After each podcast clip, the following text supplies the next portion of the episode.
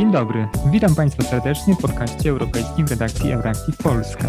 W niedzielę we Francji odbędzie się druga tura wyborów prezydenckich. W pierwszej najwięcej głosów zdobył urzędujący prezydent. Od tego czasu Emmanuel Macron wciąż umacnia swoją pozycję w sondażach, ale jego przewaga nad Marine Le Pen jest mniejsza niż w 2017 roku. O francuskich wyborach prezydenckich oraz ich międzynarodowych kontekstach porozmawiam z Łukaszem Maślanką, analitykiem Polskiego Instytutu Spraw Międzynarodowych. Zapraszam do wysłuchania rozmowy. Moje pierwsze pytanie dotyczy tak naprawdę pierwszej tury wyborów prezydenckich we Francji. To znaczy, e, oczywiście rozmawiamy w przededniu e, decydującego głosowania, ale zastanawiam się, czy, czy coś zwróciło Pana szczególną uwagę w przypadku e, tych rozstrzygnięć sprzed półtora tygodnia, w przypadku rozstrzygnięć dotyczących pierwszej tury wyborów. To, że w zasadzie wszystko wyglądało mniej więcej tak jak poprzednim razem. Przez ostatnie lata, zwłaszcza w okresie pandemii, publicyści, analitycy zastanawiali się, czy to, co zdarzyło się w 2017 roku, to jest coś unikatowego, czy może się powtórzyć. I wiele mhm. było takich momentów, w których uważano, że jednak Marine Le Pen nie ma już szans dostania się do drugiej tury. Przy okazji na przykład startu Erika Zemura, byli ludzie, którzy twierdzili, że na pewno on pokona Marine Le Pen, gdyż jest osobą przewyższającą intelektualnie, ma też duże wpływy e, we francuskich środowiskach biznesowych, medialnych, które Marine Le Pen odrzucają z przyczyn, można powiedzieć, staromodnie klasowych, mhm. ze względu na to, że ona kieruje się raczej do takiego biedniejszego elektoratu. Start Valérie Pécresse też dał dużo nadziei bardziej umiarkowanej prawicy, dużo nadziei na to, że kampania będzie mogła być bardziej merytoryczna dzięki temu, że dostanie się do niej Pécresse i Macron. I Macron nie będzie mógł się już e, tłumaczyć, że on tutaj walczy z siłami zła, z siłami skrajnej prawicy, tylko będzie musiał przedstawić jakiś konkretny program, który Valérie Pécresse kolei będzie mm, merytorycznie krytykowała. A tymczasem pierwsza tura pokazała, że wszystko jest mniej więcej tak, jak było. E, mamy na pierwszym miejscu Macrona, który wzmocnił trochę swoją pozycję, zdobył lepszy wynik, ale na drugim miejscu też Marine Le Pen, która też wzmocniła swoją pozycję w stosunku do poprzednich wyborach i na trzecim miejscu Jean-Luc Mélenchon, który również uzyskał lepszy wynik niż poprzednio, ale mniej więcej ta proporcja, e, różnica między nimi jest taka sama. Mamy do czynienia z trzema obozami we Francji, trzema obozami politycznymi, kulturowymi, bardzo e, między sobą się różniącymi, którym trudno jest znaleźć ze sobą wspólny język. Mówi się nawet o trzech plemionach. Pierwsze z nich, które idzie za Macronem, to jest plemię ludzi generalnie zadowolonych z życia, którzy uważają, że Francja w miarę dobrze odnajduje się w tym modelu globalizacji, który e, istnieje, że Francja nie ma innego wyjścia, jak tylko współtworzyć Unię Europejską i w miarę swoich możliwości nadawać e, jej kształt. To jest Francja optymistów, ludzi, którzy uważają, że jej moc, potęga gospodarcza wciąż ma wiele mm, światu do zaoferowania. Drugie plemię to jest właśnie to, które głosowało na Marine Le Pen, to są ludzie, którzy odrzucają z kolei ten model globalizacji, który, w którym Francja się odnajduje, którzy uważają, że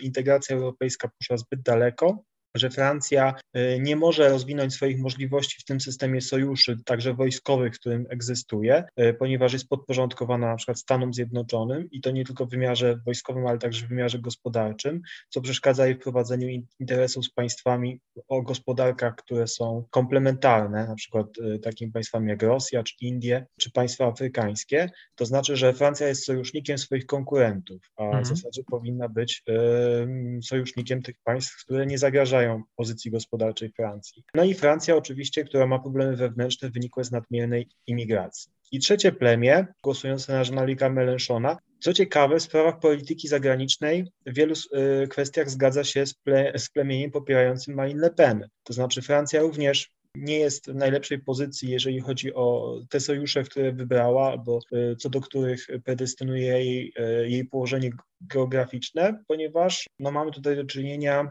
z logiką wolnorynkową, narzuconą jeszcze przez Stany Zjednoczone w okresie zimnej wojny, która następnie triumfowała w latach 90. To jest taka logika m, mm, takiego zdemonizowanego monetaryzmu, którego y, strażnikiem w Europie E, są Niemcy, a wcześniej również Wielka Brytania. No i e, ta logika nie woli Francję i przeszkadza jej e, znalezieniu jej naturalnych sojuszy, a te naturalne sojusze, ci naturalni sojusznicy są na przykład w Ameryce Łacińskiej, niektóre państwa afrykańskie, czy na przykład państwa południowej Europy, które również są zniewolone dyktatem niemiecko-skandynawsko-holenderskim. Mhm. To było zwłaszcza widoczne, ta szczyt, szczyty nieporozumień w czasie poprzedniego kryzysu finansowego. Wszystkie te trzy obozy zachowały swoją pozycję. Widać wyraźnie, że obóz Macrona, obóz za, zadowolonych jest mniejszościowy, ponieważ kandydaci sprzeciwu łącznie uzyskali ponad 60%.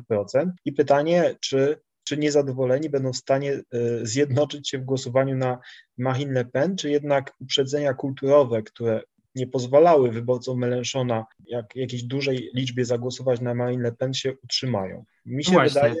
To jest to pytanie, czy Macron, jakby podobnie jak pięć lat temu, ma szansę, czy jest faworytem zdecydowanym tych wyborów, bo sondaże wskazują, że tak nie do końca i że może być na styku, prawda? No wydaje się, że nie ma szansy, żeby wygrał taką przygniatającą większością jak w poprzednich wyborach. Przypomnijmy, że było to 66 do 34%. Był to skutek także bardzo nieudanej debaty przedwyborczej, która została uznana za klęskę Marine Le Pen i która skłoniła wielu komentatorów do poglądu, że ona się już nie odbuduje po takim blamarzu. Okazało się, że, e, że jest inaczej, że jednak to poparcie dla niej jest e, znacznie głębiej osadzone niż się wielu wydawało.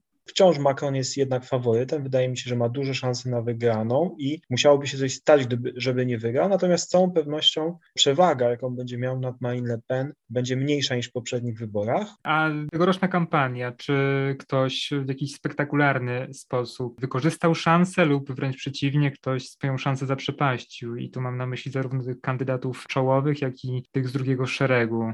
Mówi się o dziwnej kampanii we Francji z różnych powodów, no bo trwa wojna w Ukrainie i jednak ona w jakiś sposób determinuje jakby logikę wyborczą, ale też y, zdominowanie przez pewne tematy, jak y, siła nabywcza pieniądza, no oczywisty kontekst, czyli kryzys gospodarczy, inflacja i, y, i tak dalej. Czy Pana zdaniem ktoś wykorzystał szansę, ktoś mu zaprzepaścił, czy nie można tego tak jednoznacznie stwierdzić? Bardzo dobrą kampanię przeprowadziła zarówno Marine Le Pen, jak i Jean-Luc Mélenchon.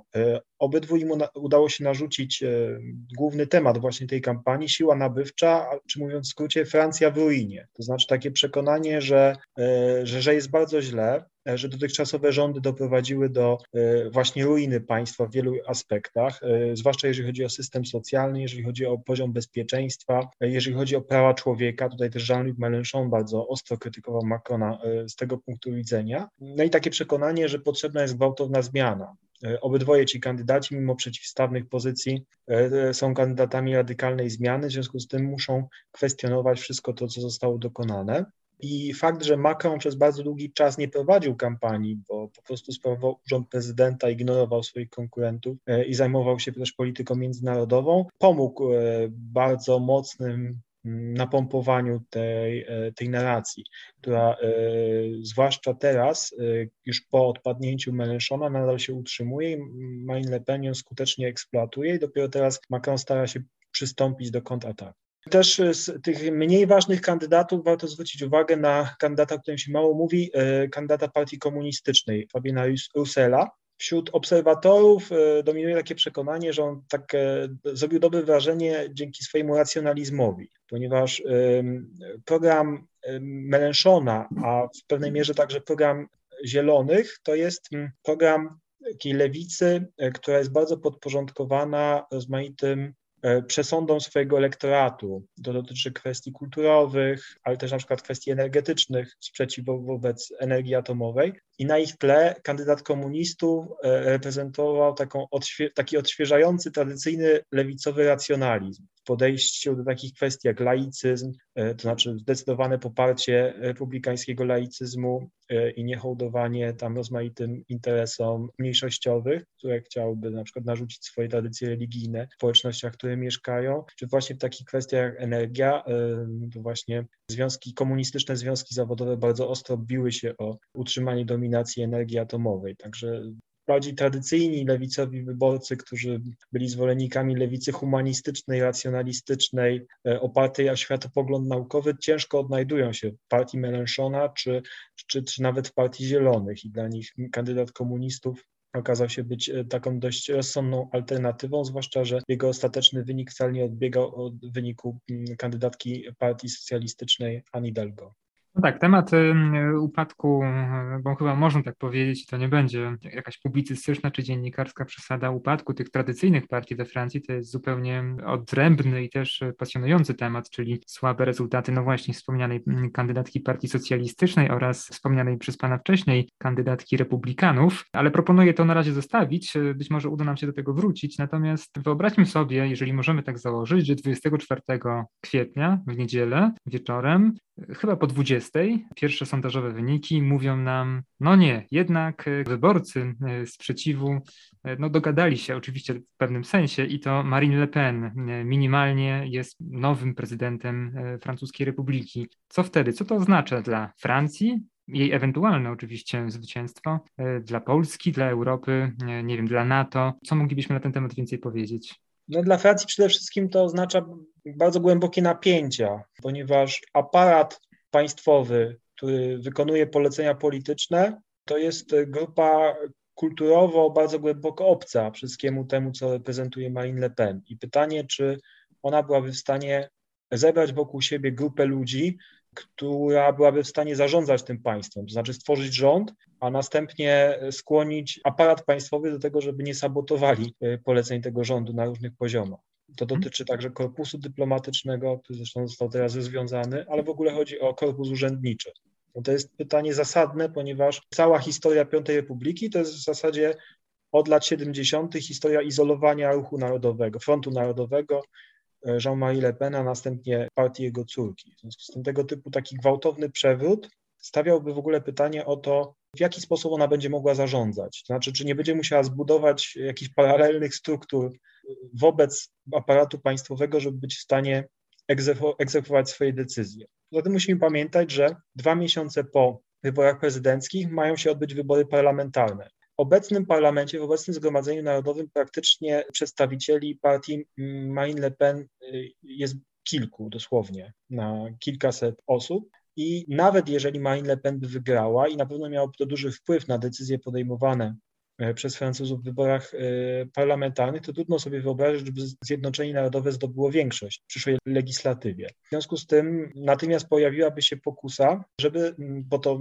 Marine Le Pen jako prezydent mogłaby stworzyć sama rząd. Ona mhm. nie potrzebuje nawet do tego wotum zaufania ze strony parlamentu. Problem polega na tym, że te, ten rząd nie dostałby od parlamentu pieniędzy na prowadzenie swoich polityk i pojawiałaby się natomiast pokusa rozwiązania parlamentu czy tego obecnego, czy tego nowego, powołanego po wyborach w czerwcu, a to oznacza przeniesienie się sporu politycznego na ulicę. Czyli z jednej strony jakby na krajowym podwórku możliwy jest paraliż, na, jakby na podwórku europejskim, czy, czy również y, jakby Francja wycofałaby się z, jakby z tej roli głównej, czy jednej z głównych sił napędzających, nie wiem, Unię Europejską jako państwo, gdzieś silnie współpracujące z Niemcami, czy, czy jakby to ewentualnie mogło wyglądać na podstawie oczywiście e, samych deklaracji Marine Le Pen oraz e, jej programu, który też e, o tych kwestiach europejskich traktuje.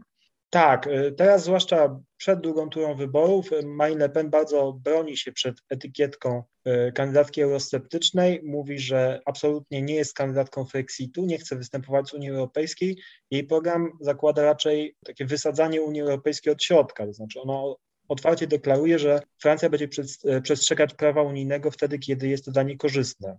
Mhm. I tutaj chodzi zwłaszcza o kwestie handlowe, kwestie granicy celnej, ona może w ogóle zakwestionować wspólny rynek, e, swobodę poruszania się, swobodę przemieszczania się osób, ale także towarów, kapitału wewnątrz Unii Europejskiej. I tutaj problem polega na tym, że ona prezentuje jakieś swoje propozycje, ale gdy dziennikarze dopytują ją, w jaki sposób ona chciałaby je przeprowadzić, to nie dostają odpowiedzi, ponieważ bardzo duża część jej zapowiedzi wymagałaby zmiany traktatów. Nie bardzo wiadomo, czy w tej chwili mogłaby zdobyć poparcie innych państw unijnych na te, te, zmiany traktatów i co jeżeli nie zdobędzie tego poparcia. Ponadto wskazuje się, że niektóre propozycje dotyczące na przykład odcięcia imigrantów od zasiłku są niezgodne z francuską konstytucją, więc zanosi się także na spory o praworządność. Pytanie, jak będą wyglądały spory o praworządność z państwem, które liczy prawie 70 milionów mieszkańców i jest po Niemcach największą potęgą europejską. To są wszystko bardzo duże niewiadome no należy się przygotować na bardzo duże turbulencje w funkcjonowaniu wspólnego rynku. Firmy, polskie firmy, które współpracują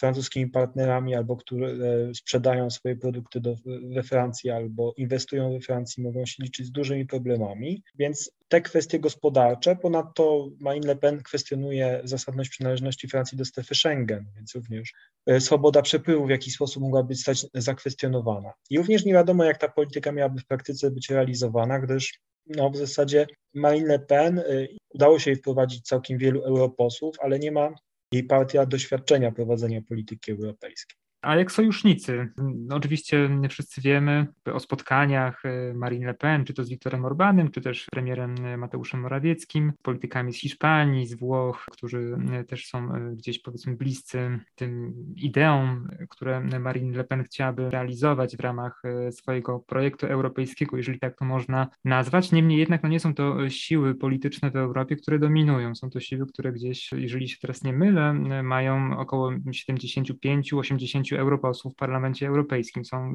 w mniejszości. To też może mieć wpływ na ewentualne no, jakieś napięcia, fiasko tego projektu, który Marine Le Pen chciałaby realizować? No tego nie możemy wiedzieć, ponieważ e, mhm. we wszystkich krajach europejskich e, regularnie przeprowadzone są wybory. We Włoszech mamy do czynienia z taką sytuacją, że mamy euroentuzjastycznego premiera, który jest w dużej mierze popierany przez partie eurosceptyczne. Ja nie dam absolutnie głowy, że premier Mario Draghi będzie jeszcze premierem przez następne lata. Może tam dojść do wyborów, w wyniku których premierem zostanie Matteo Salvini e, i wtedy Marine Le Pen będzie miała wspaniałego sojusznika. Mhm. I też bardzo duże państwo unijne, które podziela ten, e, ten pogląd na Unię Europejską, pogląd na świat, jaki ona reprezentuje. Także mhm. myślę, że przede wszystkim jest zachuba na to, że, że Francja nie jest jedynym państwem, który jakiś alternatywny pogląd na przyszłość Unii Europejskiej, w ogóle przyszłość Europy dominuje. Przede wszystkim chodzi o to, że pod wpływem y, zwycięstwa eurosceptyków w tak dużym państwie jak Francja i wyborcy w innych krajach mogą pójść w ślady i, mhm. i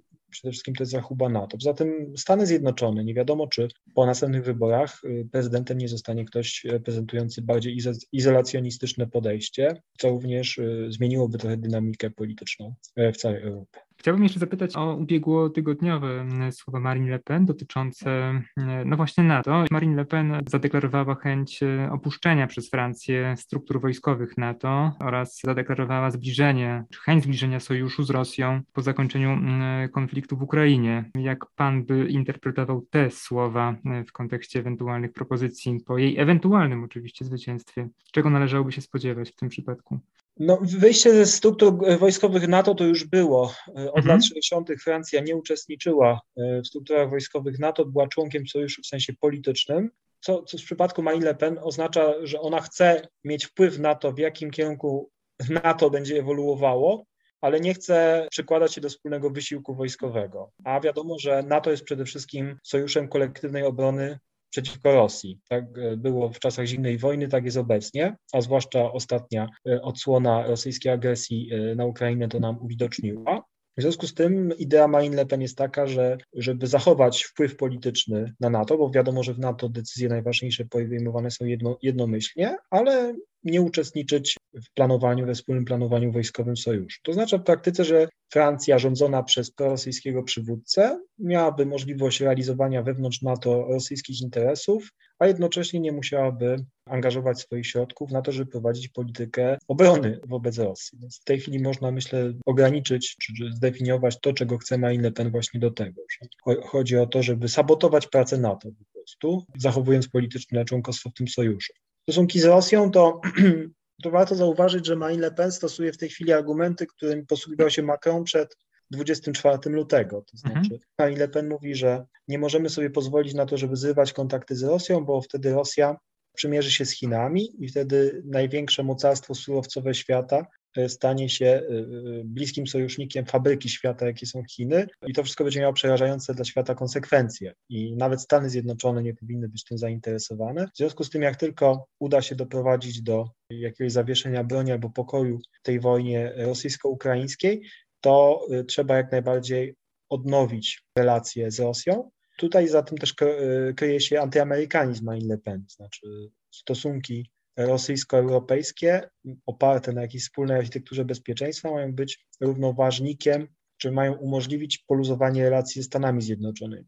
Tylko problem polega na tym, że teraz straszenie tą prorosyjskością Marine Le Pen jest o tyle mniej skuteczne, że dokładnie to samo mówił Macron jeszcze parę miesięcy temu. E, I parę miesięcy temu Marine Le Pen w ogóle nie przyjmowała do wiadomości, czy są jakiekolwiek problemy z Rosją. Ona była dumna z tego, że spotykała się z Władimirem Putinem. Ten Putin był jej na, na jej ulotce przed, przedwyborczej.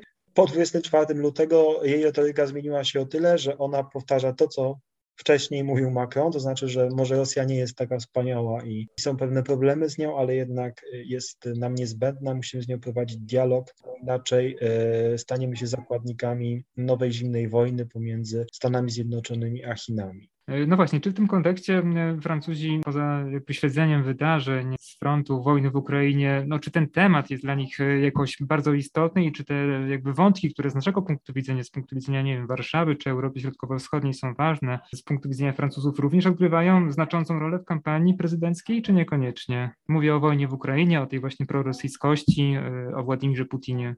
No ta wojna cały czas jest w tle. Tematy międzynarodowe w, w zasadzie nie są we Francji wiodącymi, jeśli chodzi o kampanie wyborcze, ale są właśnie pewnym tłem do tego, co mówią kandydaci, także do sytuacji wewnętrznej. Wiadomo, że przede wszystkim dla Francuzów ta wojna oznacza dalszy wzrost cen surowców, a także wzrost cen żywności, czyli mamy tutaj ten temat siły nabywczej, który jest y, bardzo ważny.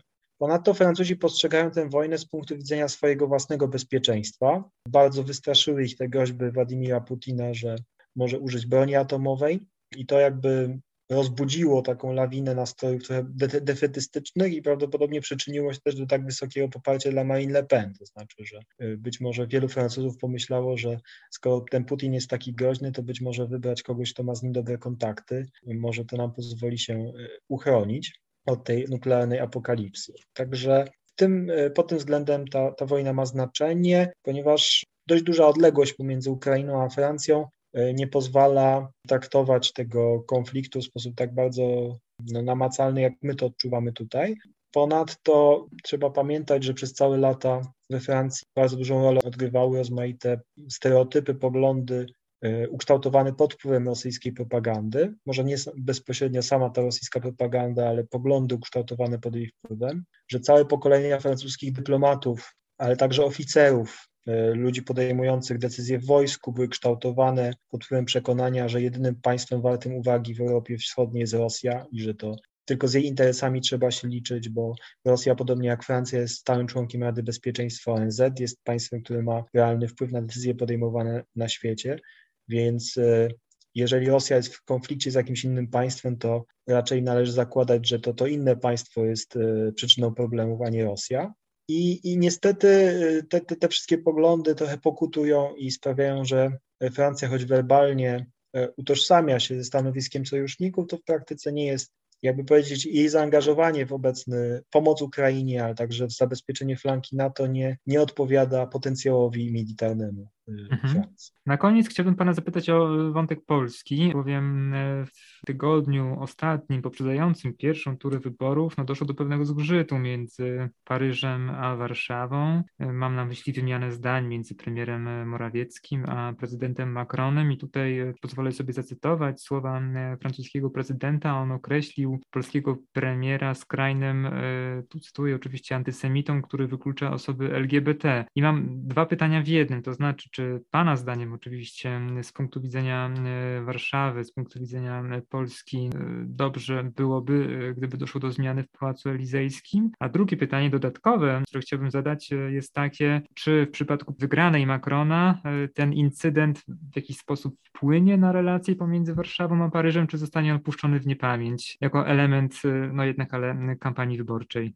No trudno mi sobie wyobrazić scenariusz, w którym zwycięstwo Marine Le Pen można by odczytywać jako sukces Polski, ponieważ wszystkie te negatywne aspekty polityki e, francuskiej, francuskiej polityki zagranicznej byłyby realizowane na sterydach, to znaczy e, Polska, Węgry być może byłyby potrzebne Marine Le Pen, żeby stosować obstrukcję w Unii Europejskiej, ale w takiej prawdziwej polityce zagranicznej, to znaczy pozaunijnej, to Rosja byłaby partnerem uprzywilejowanym dla e, Polski i to interesy Polski musiałyby ustępować interesom Rosji. E, natomiast e, w przypadku Macrona zawsze tym elementem blokującym jest to, że on uważa, że Francja nie może realizować swoich interesów poza Unią Europejską i poza NATO. I to jest tym czynnikiem, który w jaki sposób łagodził te niekorzystne strony jego polityki, jakie można było obserwować, jak chociażby ten jego słynny dialog strategiczny z Rosją. Y, no również y, ta wizja gospodarcza Unii Europejskiej, którą Marine Le Pen przedstawia, jest niekorzystna dla Polski, jest niekorzystna dla polskich firm, jest niekorzystna dla polskich obywateli, którzy albo mieszkają we Francji, albo jeżdżą tam zarabiać pieniądze, albo chcą tam inwestować, y, ponieważ no, zakłada wygenerowanie się tych wszystkich problemów, które, przed którymi stanęli polscy obywatele i polskie firmy pracujący, inwestujące, żyjący w Wielkiej Brytanii w momencie, kiedy Wielka Brytania zdecydowała się opuścić Unię, Unię Europejską. Natomiast czy ten ostatni incydent będzie miał jakiś wpływ na relacje?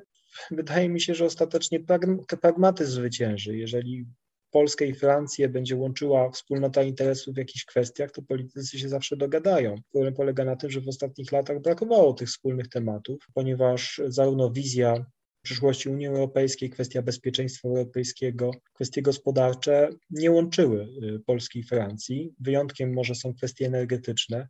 E, Polska jest zainteresowana rozwojem energii atomowej, w związku z tym naturalny sposób poparła Francję. Francja też bardzo interesownie podchodzi do swoich relacji mm, z innymi państwami. Jeżeli to nie są państwa, które z przyczyn strategicznych są dla niej ważne, to wtedy uzależnia dobre relacje z takim państwem od tego, czy to państwo jest klientem e, francuskiego przemysłu. I to mhm. dobrze widać, jeśli chodzi o kontrakty zbrojeniowe. Francja tutaj ukazuje to w taki sposób dość demonstracyjny. Wydaje mi się, że wybory, jakie będzie czyniła Polska w zakresie swoich e, zakupów zbrojeniowych, kwestii tego, kto będzie budował polską elektrownię atomową, będą miały znacznie większy wpływ na stosunek Francji do nas niż e, to, jakimi epitetami obrzucają się e, rządzący w obydwu krajach.